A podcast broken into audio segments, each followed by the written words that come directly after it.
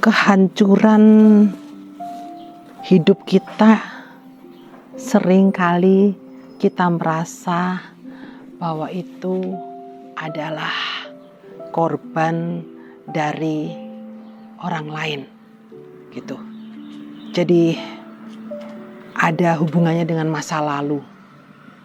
Dan kadang-kadang kita merasa tidak bersalah ketika sebuah masalah itu terjadi.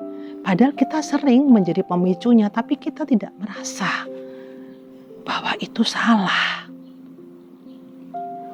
Lalu mengakibatkan gesekan-gesekan dengan banyak orang, kemudian membuat luka yang terus menganga dan berkepanjangan.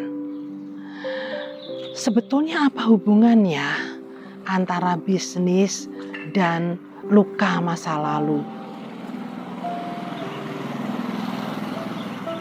Sangat berhubungan sekali, sangat berhubungan sekali. Di mana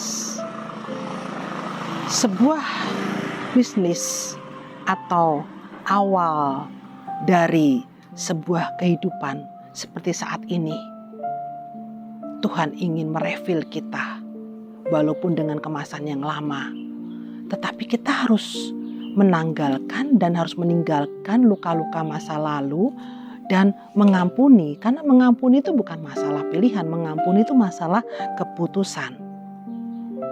Sehingga kita ketika kita mengawali sebuah pekerjaan di bidang apa pun juga, di dalam uh, hal apa pun juga, awal itu menjadi awal yang sangat penting yang mempengaruhi hasil akhir dari perjuangan kita.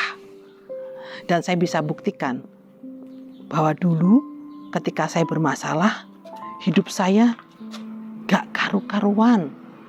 Jungkir jempali, jumpalitan gak karu-karuan.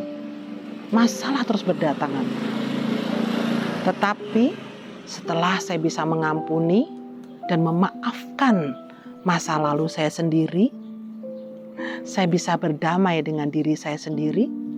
Akhirnya pintu berkat pintu rezeki terbuka lebar.